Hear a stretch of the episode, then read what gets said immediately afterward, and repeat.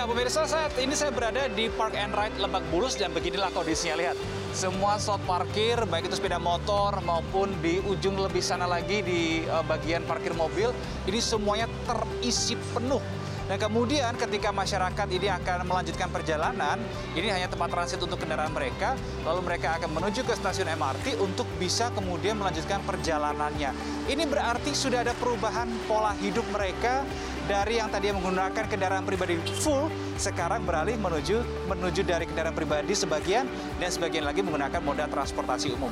Bagaimana kemudian dari Lebak Bulus ini kemudian ke stasiun MRT sampai nanti saya ingin mengajak Anda untuk menjajal sampai dengan uh, di Kisaran Bundaran HI, ikuti perjalanan saya.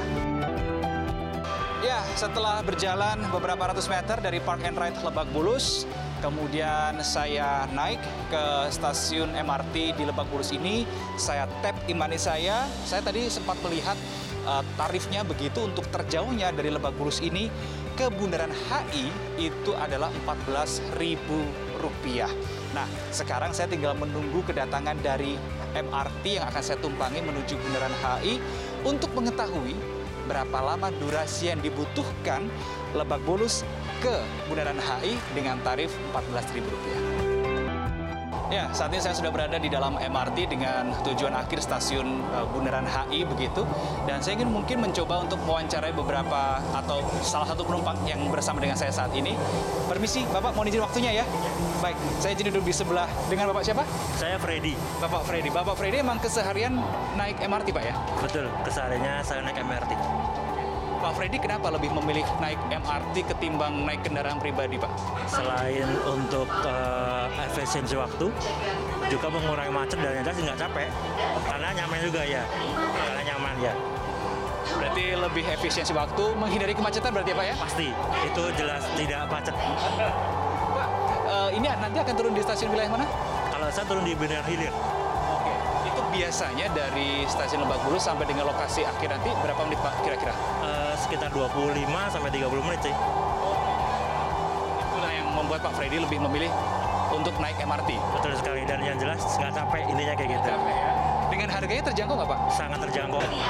Pak Freddy terima kasih ya waktunya.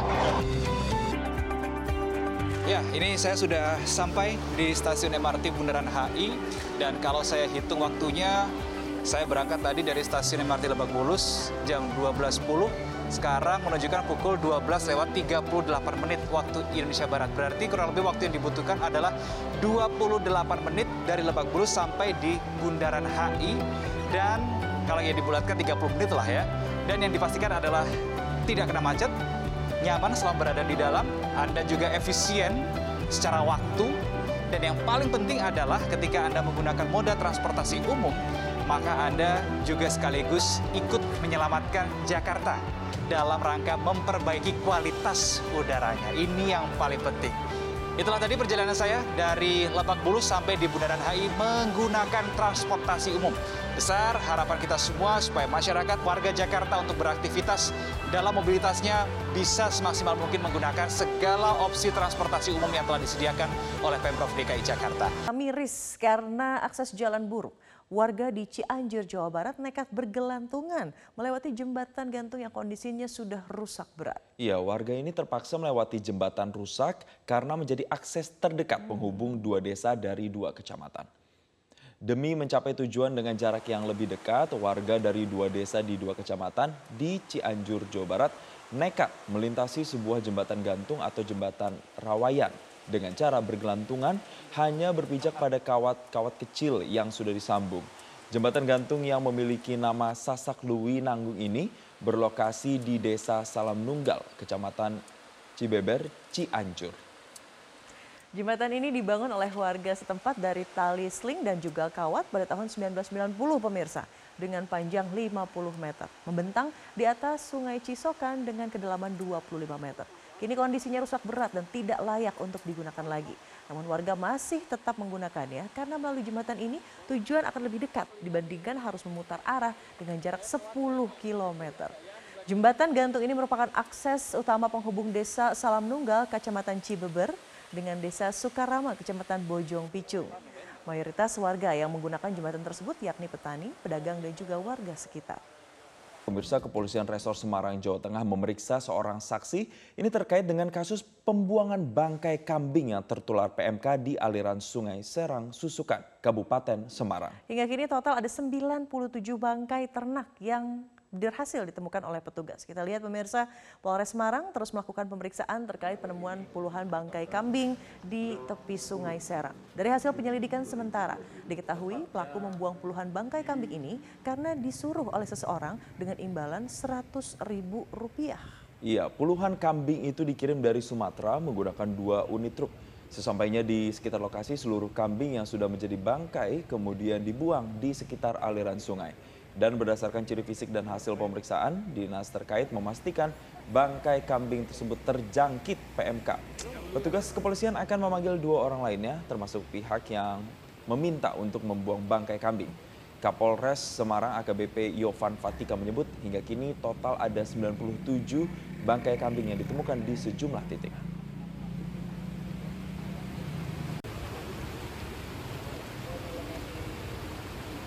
Sumatera akhirnya minta tolong karena yang diangkut ini sudah jadi bangkai minta tolong rekannya yang ada di wilayah e, Tengaran untuk membuang bangkai ini. Hmm. Kurang lebih ada 97 ekor. Hmm. Tapi dipastikan itu bukan ternak dari kabupaten ya? Tidak. Statusnya yang satu tersangka atau masih terperiksa gimana? Masih semuanya masih kita dalam. Kita belum menetapkan tersangka. Pembuangannya pasti sebagian besar dari Anda sudah pernah mendengar nama si Pitung atau Bang Pitung. Ya, betul sekali. Bang Pitung merupakan salah satu tokoh legenda dari tanah Betawi yang terkenal dengan cerita saat perlawanan zaman penjajahan dan termasuk akan kemampuannya dalam pencak silat. Nah, kali ini Gubernur DKI Jakarta Anies Baswedan mengganti salah satu ruas jalan di kota Jakarta dan menggantinya dengan nama Bang Pitung. Saya akan ajak Anda untuk ngecek langsung apakah benar nama ruas jalan tersebut sudah diganti. Eh, ikuti saya.